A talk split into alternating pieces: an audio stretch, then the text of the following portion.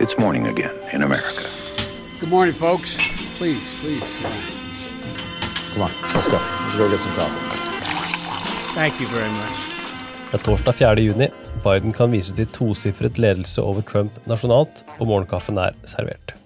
Aller først, de tre øvrige politimennene som var involvert i pågripelsen av George Floyd, er nå tiltalt for medvirkning til drap. Og Joe Biden skal delta i George Floyds begravelse i Houston, Texas neste uke. Dagens første sak. Forsvarsminister Mark Esper sa på en pressekonferanse i går at han ikke støtter bruk av Insurrection Act for å bruke militæret til å kontrollere og slå ned på demonstrasjoner. Han hadde blant annet følgende å si. This not only as Secretary of Defense, but also former soldier and a former member of the Guard. The option to use active duty forces in a law enforcement role should only be used as a matter of last resort and only in the most urgent and dire of situations. We are not in one of those situations now. I do not support invoking the Insurrection Act. Espers uttalelser har ført til at kilder nær president Trump sier de er sjokkerte, og at de ikke forstår hva han prøver å oppnå.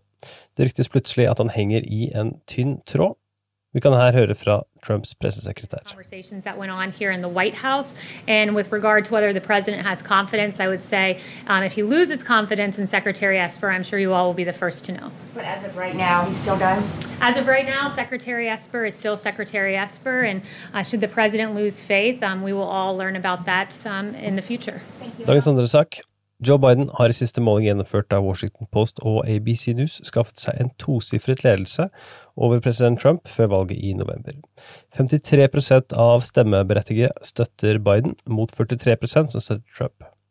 Målingen viser en klar oppgang for Biden, som i marsmålingen antydet et dødt løp mellom Biden og Trump.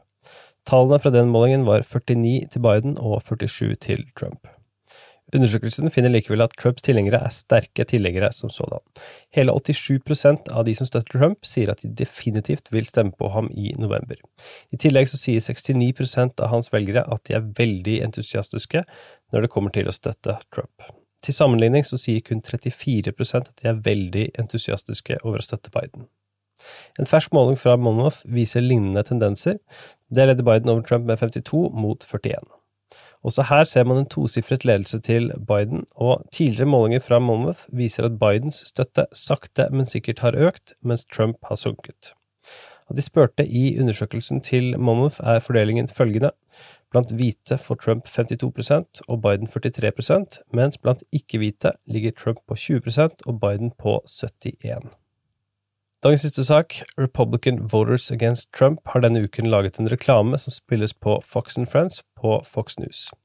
Reklamen tar utgangspunkt i uttalelser fra Trump under innsettelsestalen i 2017, og viser da klipp av de siste ukenes hendelser. Kan høre litt her.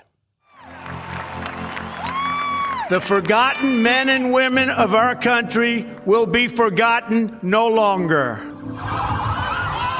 We are one nation. And their pain is our pain. President Trump tweeting when the looting starts, the shooting starts. Their dreams are our dreams. Unemployment rate past 40 million. Largest unemployment rate since the Depression era. When you guys put somebody in the car, I said, please don't be too nice. I will fight for you with every breath in my body.